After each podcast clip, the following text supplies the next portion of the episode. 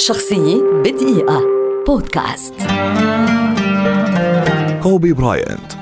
لاعب كرة سلة أمريكي محترف يعد واحدا من أفضل خمسة لاعبين في التاريخ وأحد أعظم الرياضيين على الإطلاق ولد عام 1978 بدأت مسيرته في دور الرابطة الوطنية لكرة السلة NBA بعد إنهاء المرحلة الثانوية عام 1996 مع فريق لوس أنجلوس ليكرز وكانت تلك الفترة من أقل فترات النادي سطوعا.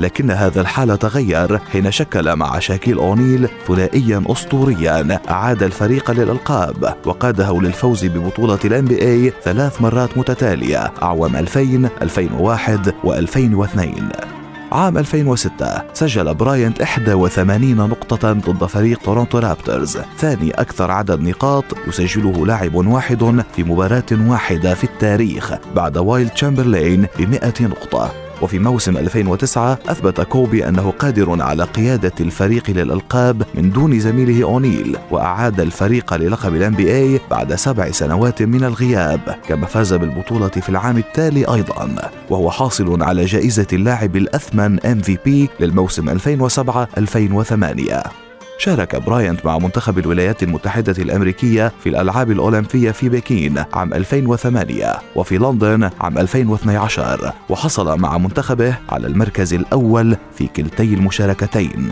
وهو أصغر لاعب في التاريخ تخطى حواجز 20000 و25000 و30000 نقطة. هذا طبعا بالإضافة إلى العديد من الألقاب والأرقام القياسية والجوائز الفردية والجماعية الأخرى التي يستحيل تعدادها جميعا هنا. هنا.